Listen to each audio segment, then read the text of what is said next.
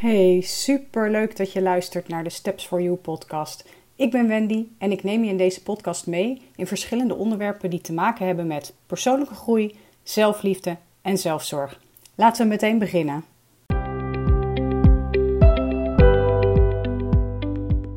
Hey, hey, hey, super leuk dat je weer luistert naar een nieuwe aflevering van de Steps for You podcast. Aflevering 4 en vandaag wil ik het met je gaan hebben over het imposter syndroom. Misschien denk je nu wel, hm, wat? Blijf dan vooral luisteren, want ik ga je daar in deze aflevering meer over vertellen. Misschien ken je het wel, je hebt een, uh, een, een, nieuwe baan of misschien al wat langer een baan en uh, je vraagt jezelf steeds af waarom ze jou eigenlijk hebben aangenomen, want je bent toch helemaal niet zo goed. Of uh, je denkt bij jezelf van ja, het is leuk dat ze mij hebben aangenomen, maar uh, uiteindelijk ga ik toch door de mand vallen. Uiteindelijk gaat het toch mis.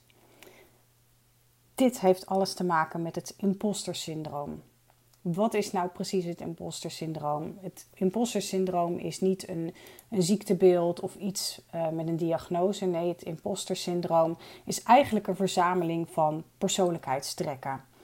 Uh, persoonlijkheidstrekken waarbij je een laag zelfvertrouwen kan hebben, uh, hele hoge eisen aan jezelf stelt, dus de lat heel erg hoog legt. Je onzeker bent over succes, je bent heel perfectionistisch. Nou, al deze dingen of een, een, een selectie van deze dingen heeft te maken met het imposter syndroom. Um, het imposter syndroom komt ongeveer net zoveel voor bij mannen als bij vrouwen. Uh, en ik las dat het Psychologie Magazine een onderzoek heeft gedaan onder haar lezers. En daarvan gaf 24% aan hier wel eens last van te hebben. Dat is dus een kwart. Dat is best veel. Dus mocht jij jezelf nou herkennen in een van die kenmerken, dat is dus helemaal niet raar. Er zijn heel veel mensen die daar uh, last van hebben.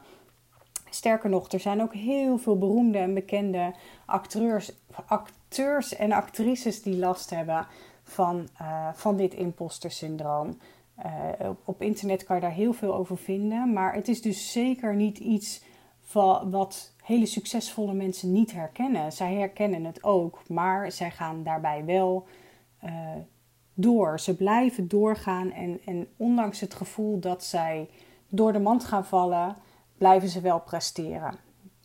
Nou is het zo dat als je last hebt van dat imposter syndroom en je blijf wel presteren zoals die uh, beroemde mensen uh, dus bijvoorbeeld doen, maar misschien jij ook wel.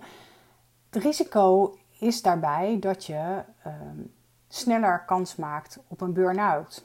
Waarom? Omdat je steeds harder blijft werken. Jouw perfectionisme en jouw hoge lat zorgen er constant voor dat je maar door blijft gaan en door blijft gaan. En uh, op zich is dat niet heel erg, maar wat gebeurt er nou bij dat imposter syndroom, waarbij je vaak onzeker bent over je eigen succes? Uh, dat wanneer je wel succes hebt, je daar ook aan twijfelt. Je twijfelt nog steeds aan jezelf. En je hebt nog steeds het gevoel een bedrieger te zijn, waardoor je nog harder gaat werken. En zo kom je in een visueuze cirkel terecht. En het risico dat je daarbij loopt, is dat je op een gegeven moment in een burn-out belandt.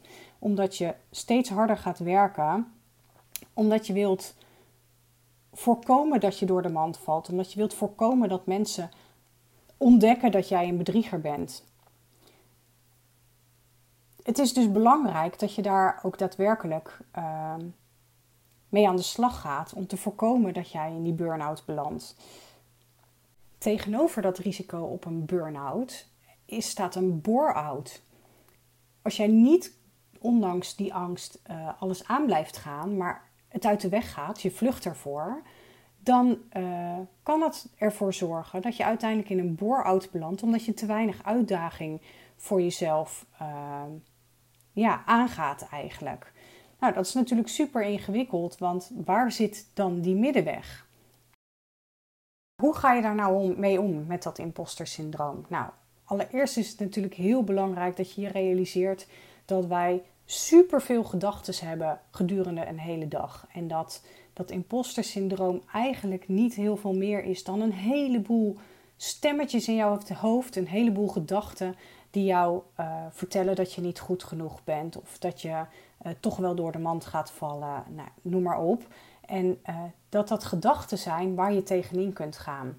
Dus allereerst is het belangrijk dat je gaat uitvinden waar nou precies die angst zit.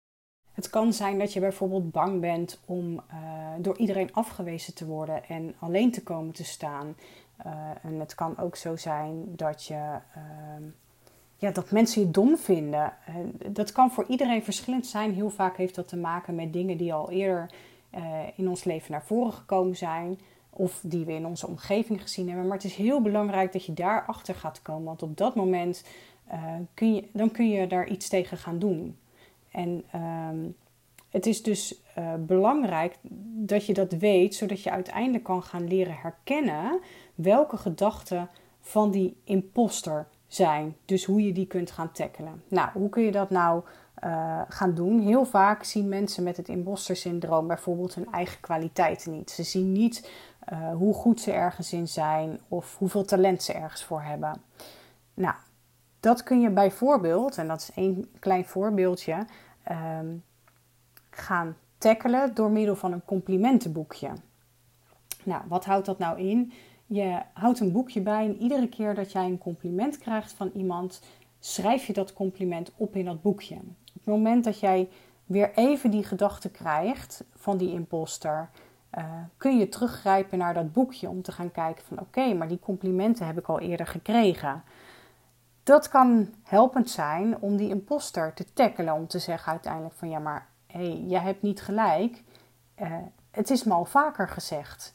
Maak het tastbaar voor jezelf door het op te schrijven in uh, zo'n boekje. Een andere manier die ik tegenkwam, wat ik zelf een hele mooie vind, is uh, een stukje schrijven over jezelf, maar dan vanuit de derde, derde persoon. Dus niet ik kan dit of ik ben goed in dat. Nee, Marietje, ik roep maar even wie, uh, kan heel goed luisteren. Of Marietje is heel goed in uh, spreadsheets maken. Nou, voor ieder voorbeeld kun je daarbij bedenken. Um, op die manier kun je vanuit de derde persoon lezen over jezelf. Dus uh, in mijn geval zou ik zeggen: Wendy is heel goed in het luisteren naar andere mensen. Dan heb ik het niet over mezelf, maar dan heb ik het over de persoon Wendy. En doordat je het van wat afstand kan zien, uh, kan dat daarbij helpen. Nou, een andere manier daarvoor is om nog hulp te gaan vragen bij anderen over die kwaliteiten. En uh, onderzoek heeft laten zien dat je daarbij uh, het beste je kan wenden aan tot collega's die iets verder van je afstaan. Uh, want vaak als het collega's of vrienden zijn die heel dicht bij je staan, voel je je uiteindelijk alleen nog maar, uh, nog maar slechter. Dus zoek mensen die iets verder van je afstaan, die wel een beetje weten wie jij bent, om, om jou te helpen met waar liggen jouw kwaliteiten uh, nu dus eigenlijk. Praat er ook over met anderen. Dat kan met vrienden zijn, dat kan met familie zijn of met collega's. Laat weten dat je daar last van hebt. En heel vaak zul je merken dat je niet de enige bent die last heeft van deze gedachten. Nou, uiteindelijk is het idee dat je je denkpatroon gaat veranderen. Uh, het kan zo zijn bijvoorbeeld dat jij altijd denkt van uh, ik moet het antwoord weten. Ga dat proberen om te buigen in ik hoef niet alles te weten, ik mag ook leren. Uh, of een gedachte als ehm, ik mag niet falen. Het is geen falen, het is leren. Iets kan niet lukken doordat, nou ja, door heel veel redenen. Dat, dat kan zelfs buiten jezelf uh, liggen. Maar falen bestaat niet. Iets mislukt, dat kan. Daar leer je van om het de volgende keer weer beter te gaan doen. En als laatste uh, zou ik willen zeggen: zoek hier hulp bij. Het is niet makkelijk om gedachten die uh, van die imposter zijn, die je zelf voor waarheid hebt aangenomen, om die zelf om te gaan buigen. Zoek hierbij hulp. Ik kan je hier bijvoorbeeld bij helpen in mijn uh, drie maanden traject één op één coaching. Dan ga ik samen met jou kijken naar welke gedachten jou belemmeren en hoe jij die gedachten kunt gaan ombuigen, zodat je die imposter niet meer jouw leven laat beheersen. Wil jij hier nou mee aan de slag? Neem dan even contact met me op via een DM op Instagram of uh, vraag een gratis matchcall aan op mijn website. En dan uh, ga ik met jou kijken waar je tegenaan loopt en hoe wij daar met z'n tweeën um, mee aan de slag kunnen gaan. Want het is super zonde om constant in onzekerheid uh, te leven en, en niet te zien wat je kwaliteiten zijn. Want ik weet zeker dat die er zijn. Dus ehm, voel jij nu dat je hier eindelijk mee aan de slag wilt, omdat je hier al veel te lang mee worstelt? Uh, stuur me dan even een berichtje en dan, uh, dan ga, ga, ik je erbij helpen. Nou, dan wil ik voor nu deze aflevering afsluiten. Ik hoop dat je iets meer duidelijkheid hebt gekregen over wat het imposter syndroom inhoudt en wat je daaraan kunt doen. Mocht je het nou een interessante aflevering hebben gevonden of je hebt daar echt iets aan gehad, uh, deel het dan even op, op Instagram in je stories en tag mij daar vooral even in. Um, ik zou het super leuk vinden om van je te horen wat je van deze aflevering hebt gevonden. Fijne dag en tot de volgende aflevering.